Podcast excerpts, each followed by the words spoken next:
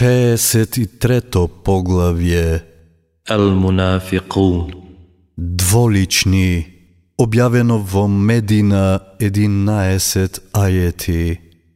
Бисмиллахир-рахманир-рахим. Во името на Аллах се милосниот, милостивиот.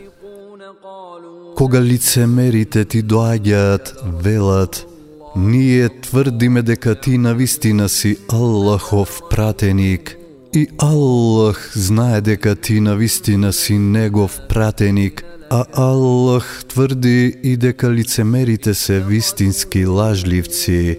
Тие своите заклетви за штит ги земаат, па од Аллаховиот пат одвраќаат. Навистина е лошо како постапуваат.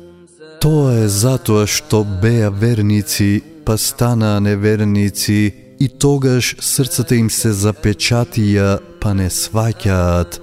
Кога ќе ги погледнеш, нивниот изглед те восхитува, а кога ќе проговорат, ти ги слушаш зборовите нивни, но тие се како потпрени шупливи трупци и мислат дека секој повик е против нив.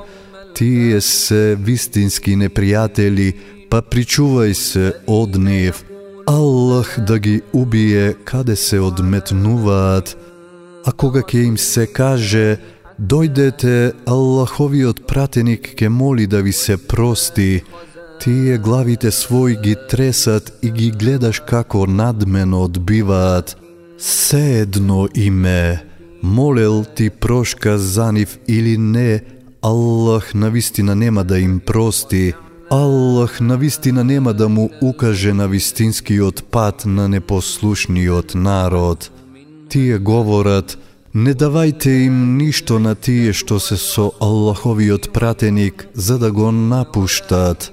А ризниците на небесата и на земјата се Аллахови, но лицемерите не сваќаат.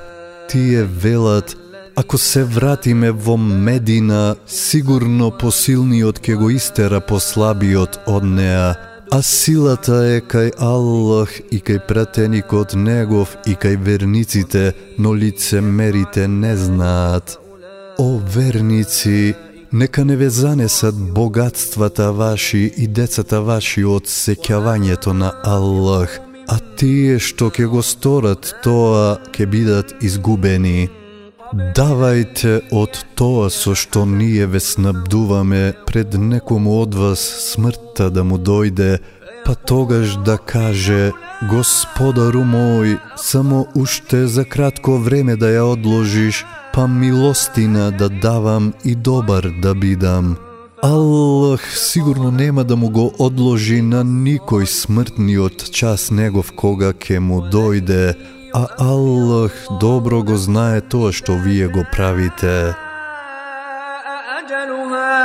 Wallahu khabirun bima ta'malun.